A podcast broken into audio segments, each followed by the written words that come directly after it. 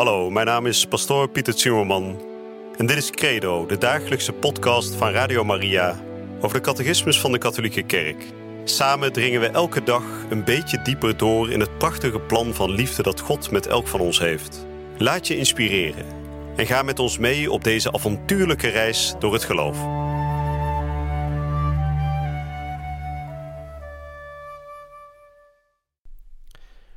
Broeders en zusters, beste luisteraars, van harte welkom vandaag bij deze nieuwe uitzending van de dagelijkse catechese hier bij Radio Maria.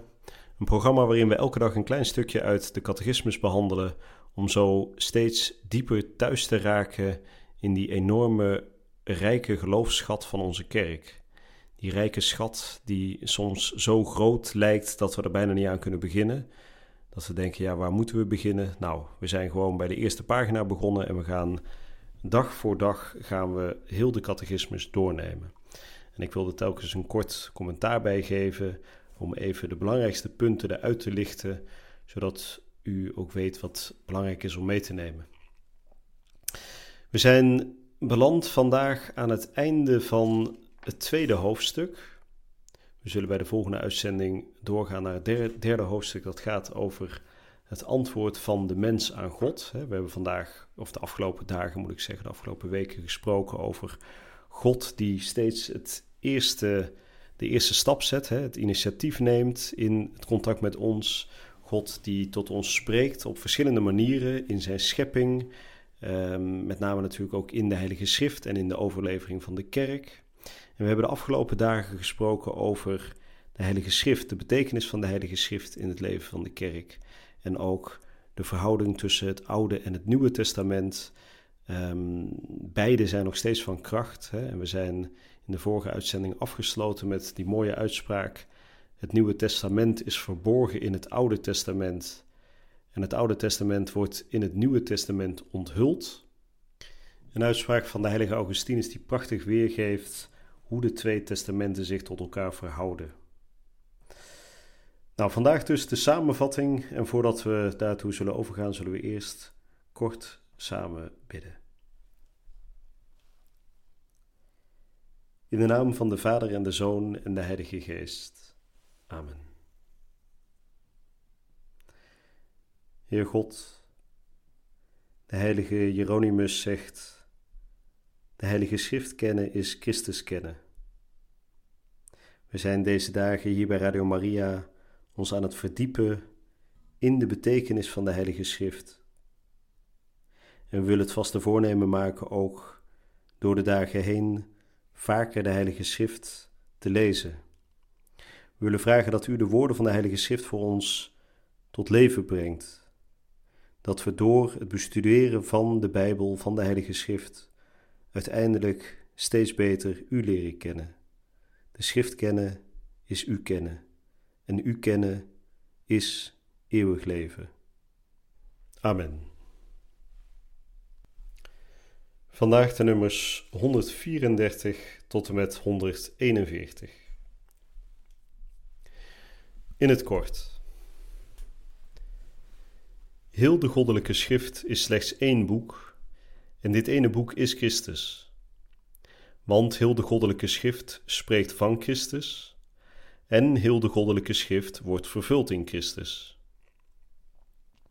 De heilige boeken bevatten het woord van God en wegens hun geïnspireerd karakter zijn ze werkelijk het woord van God. God is de auteur van de heilige schrift. Terwijl hij zijn menselijke auteurs inspireert, hij werkt in en door hen. Hij geeft zo de zekerheid dat hun geschriften zonder dwaling de heilzame waarheid leren. De interpretatie van de geïnspireerde schriften moet voor alles letten op hetgeen God door de heilige auteurs voor ons hel wil openbaren. Wat van de geest komt, wordt alleen door de werking van de geest ten volle verstaan. De kerk ontvangt en vereert de 46 boeken van het Oude en de 27 boeken van het Nieuwe Testament als geïnspireerd. De vier evangelies nemen een centrale plaats in, aangezien Christus Jezus er het middelpunt van is. De eenheid van de beide testamenten komt voort uit de eenheid van Gods helsplan en zijn openbaring. Het Oude Testament bereidt het Nieuwe Testament voor, terwijl dit laatste de vervulling is van het Oude Testament. Beide verklaren elkaar wederzijds. Beide zijn het ware woord van God. De kerk heeft de Heilige Schriften, zoals ook het lichaam des Heren zelf, altijd vereerd. Beide voeden en sturen heel het christelijk leven. Uw woord is een lamp voor mijn voeten, het is een licht op mijn pad. Nou, dat was de samenvatting van het afgelopen hoofdstuk. Vond zelf met name de allereerste uitspraak erg mooi, namelijk heel de goddelijke schrift is slechts één boek en dit ene boek is Christus. Dus als we zeggen dat Jezus het levende woord is van God, dan is het ook logisch dat de Heilige Schrift Jezus is, zijn woord. En de laatste, uh, het laatste nummertje van vandaag was ook heel bijzonder, want daar wordt gezegd dat de kerk de Heilige Schriften altijd heeft vereerd. Net zoals ook het lichaam van de Heer zelf.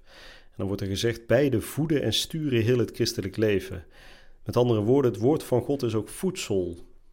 Voedsel voor onze ziel. En als u op zondag naar de kerk gaat, zult u dat ook zien. Hè?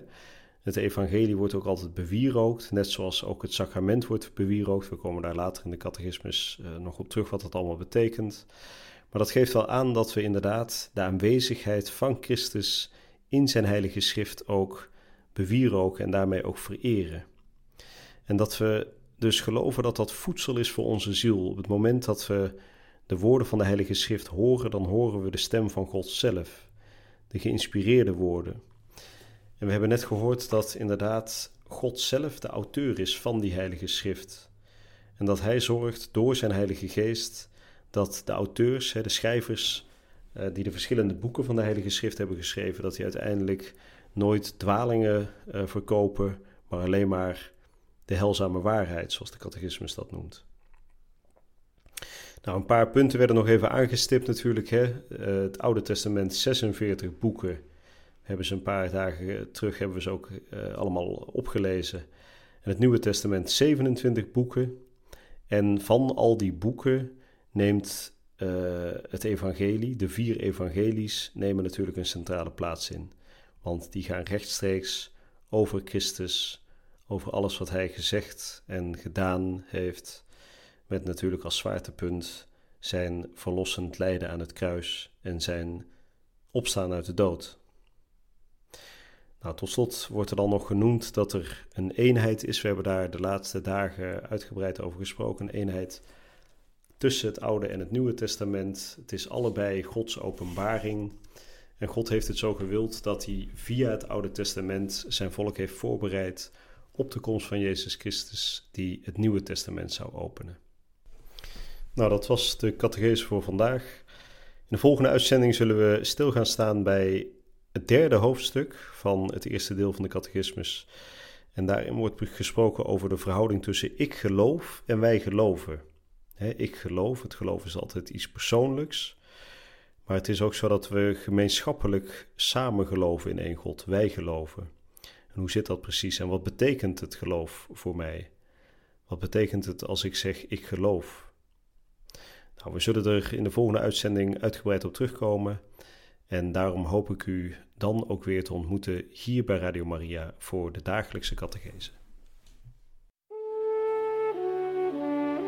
Je luisterde naar Credo, de dagelijkse podcast van Radio Maria over de catechismus van de Katholieke Kerk. Credo is iedere werkdag te beluisteren op Radio Maria.